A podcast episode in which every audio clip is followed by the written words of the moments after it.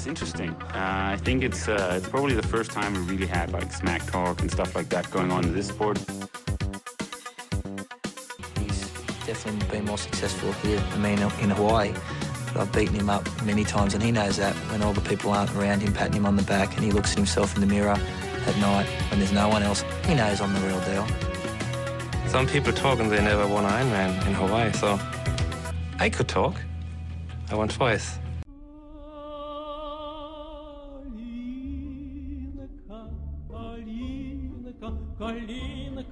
Калинка моя, саду ягода, малинка, малинка.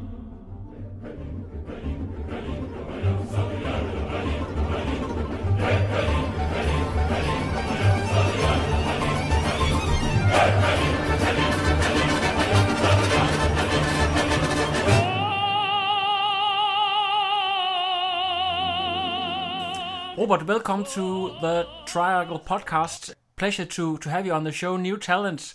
As we talked about, 23 years old, one of the younger guys, and I was, of course, like many of of you, uh, watching the race yesterday, and suddenly I see this, for me, unknown Swedish guy right in the top. Um, maybe you can take us through the race. Yeah, thank you very much. Uh, I started out with a good swim for me. Uh, I've developed my swimming a lot this winter, so I'm still very, very happy when I can go up with the front guys in the swim. Yeah, in, in front uh, of Patrick, for uh, in instance. the- yeah, exactly. Uh, so I could work with Patrick in, in the beginning of the bike and got up with a big cha- big first group after like 25k or- k or something on the bike, and uh, yeah, was sitting in the in behind of that group for a couple of minutes, but I thought it yeah it went a bit too easy, so try to go past them and succeeded with that and If, if we take a look at your had a, splits, had a good Uh, so, sorry, Robert. Uh, if you take a look at your splits from thirty for, from the split from uh, thirty-one kilometers, you are in fourth position, but then between that, the fifty-six st- split come up. You have gone from fourth to third, actually in front of of Angert, where you have made your move. So, so what kind of wattage are you pushing there to, to get a, get rid of that group? I was pushing pretty hard in Yeah, the in the turns, um, but not that hard in the like in yeah in between the turns. But between uh, those cases, I think it was pretty many turns. So I tried to uh, go go fast in them. okay. So, so you so you accelerate uh, each time there's a turn there, Yeah. and then just uh, full gas. Uh, yeah, not not really full gas, but push push hard and try try to hurt the others. Okay. Before this race, have you trained a lot on the course, or or did you just uh, know it? No, uh, I went through it uh, by car the day before. That was all. Okay. Okay. But I I went out for a 30 minute spin on the on the most tricky parts. Uh, so I knew a part of it uh, actually where I went went past all the all the groups. So I've ri- ridden that part.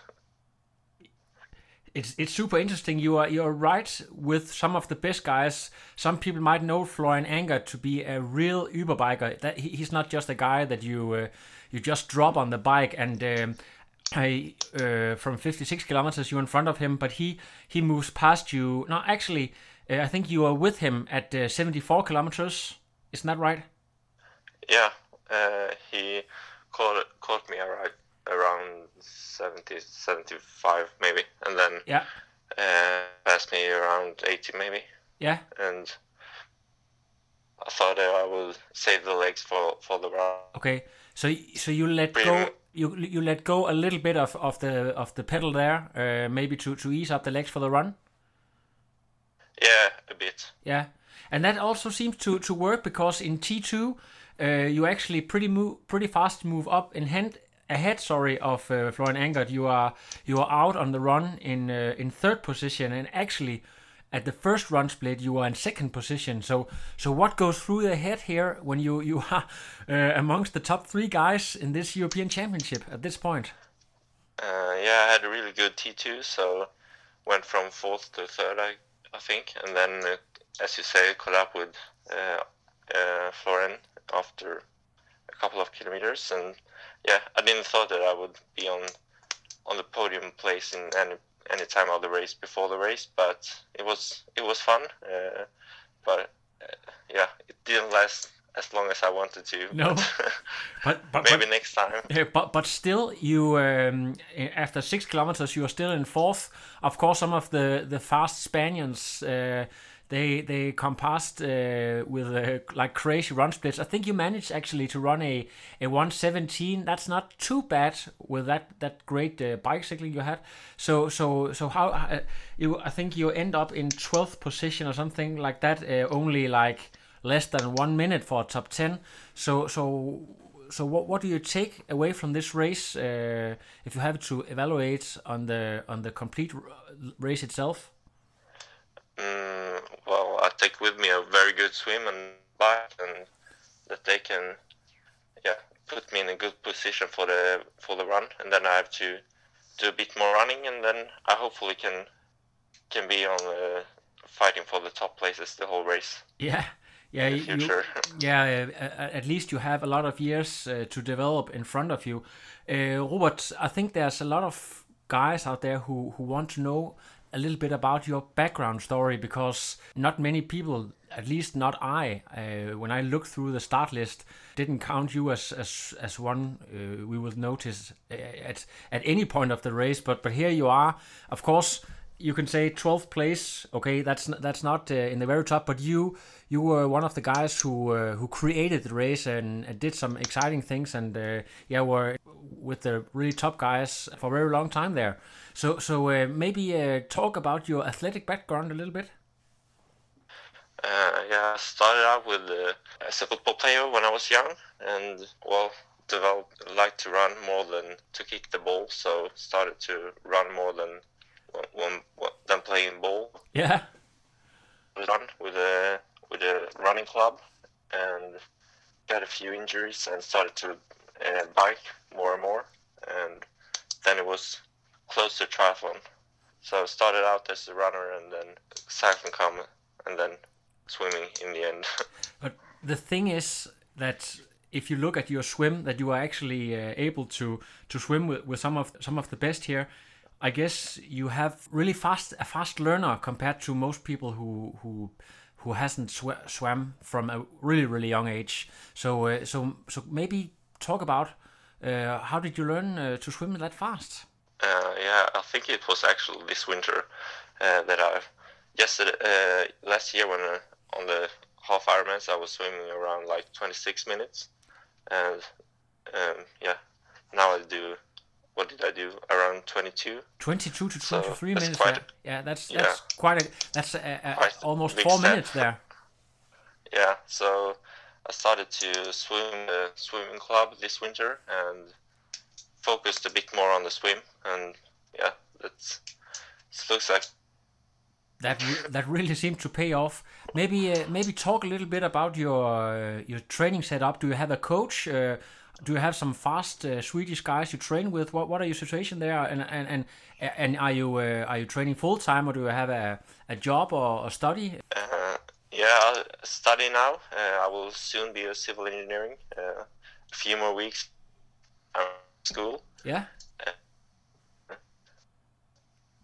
have a coach from yeah. We started out last year in June, so I have him for Andersson, if you know him. Uh, no, try to say that again. Sorry.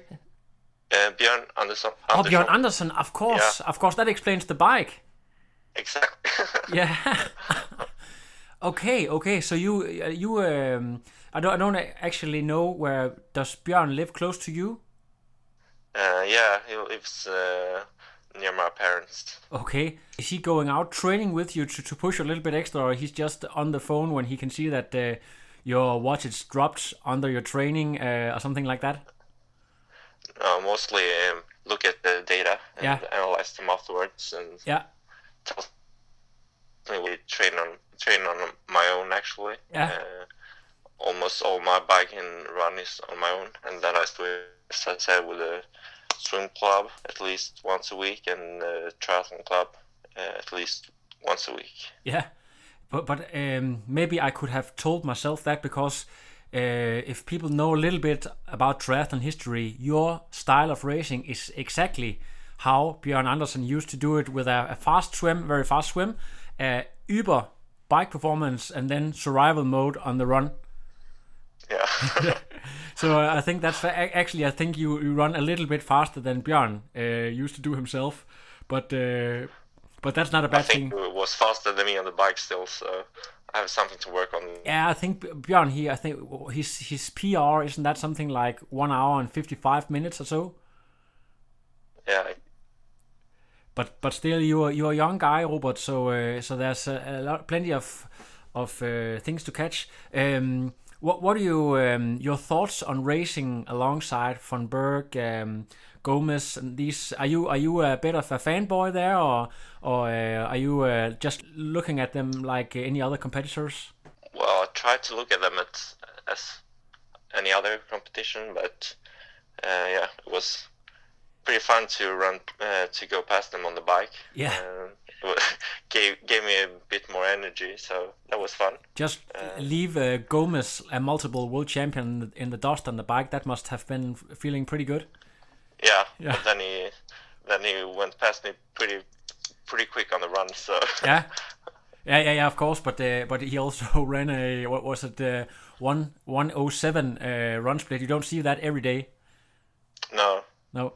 So um, of course you have been uh, racing in. Uh, I know you have been racing in in uh, Jönköping a few times, but uh, I believe this must be uh, the field with the most top guys you ever raced in your career so far. yeah, absolutely. Yeah. That was my first triathlon outside of Sweden as well. So Oh, it really it was okay. Uh, so what what's up till today? What was your what would you call your best results uh, uh, before uh, this Sunday? Before this, um, maybe um, last year, maybe a bronze medal, Swedish uh, uh, championship. Oh, you oh you had a bronze medal in your in in the overall position. Uh, yeah, Okay, in the Swedish uh, championship. Okay, who ca- can I just ask who who came in in front of you? uh, Oskar Jägv and uh, Jesper Svensson. Okay, okay, so that, that's also I actually I, I only know uh, Jesper Svensson. The other guy, uh, unfortunately, I don't know. But some of your Swedish listeners, uh, of course, might know this guy. I have to I have to work a little bit more on my my Swedish uh, athletes before I can uh, I can know everyone. But uh, it's it's it's a tough job to to even know all the Danish athletes. So so you have to Yeah. you have to excuse me for that. But let's talk a little bit about the rest of the season. You this results a top uh, 12, almost top 10, only uh, a few seconds from uh, a top 10. That must give you some motivation for the rest of the season, right? Yeah, absolutely. So what are what are your plans there? Um, well, I've just found out that I wasn't registered correctly for Ironman Jönköping now in two weeks, so uh, I'm not in the start list right now. But hopefully, I could solve that somehow. Try to work work that out. Yeah, of Um, course. So I hopefully will do that race. Otherwise, I will have a training period until the Swedish Championship in August. Do a lot of training and work on my run. Yeah. I, of course, being a very young guy, maybe uh, Iron Ironman, the full distance, is not for you right now. Are, are you primarily focused on uh, the half di- the half distance? Uh, yeah, I'm probably fo- focused on that one. Uh, we'll probably try full distance in the future. Yeah. But yeah, I'm not sure sure when. you are you're finished with your studies uh, as a civil engineer. Uh, does that mean that you will go to pursue a career, or will you try to to work part time to to see how far this triathlon journey can take you? Uh, yeah, I will do uh, part time now and try to work both both work and uh, do triathlon and Yeah. see if I can just go for triathlon in the future. But right now, I think that's a decision to work part time as well. Yeah, sounds sounds super great. Uh, maybe um, do you have any sponsors to help you? Um, I, I know uh, it's a very expensive sport. Um, do you have any sponsors you'd like to mention here on the podcast? Maybe. Uh, yeah, sport nutrition, Maurten, Oh, okay. uh, and then uh, yeah, my triathlon club, uh, Triathlon West, uh, and yeah, that's probably probably it. Yeah, I think you're the first Swedish guy who's not a part of terrible, terrible Tuesday. Yeah, I know. Everyone else is there. Yeah, but you you stick to the local club. Yeah, it's the club in Gothenburg. Yeah, I th- I think uh, they're pretty happy about that. Robert, uh, I'll be looking forward to to follow the rest of your season, and uh, I'm sure people they will um, keep an eye on you uh, in in the future. So uh, I hope to see you race uh, again in Denmark very soon. Thank you, thank you so much for for letting us know a little bit about you, and uh, have a have a great evening. Thank you. Yeah, bye. Bye. No, I am done. Another. But now it's, I'm done. I have no power.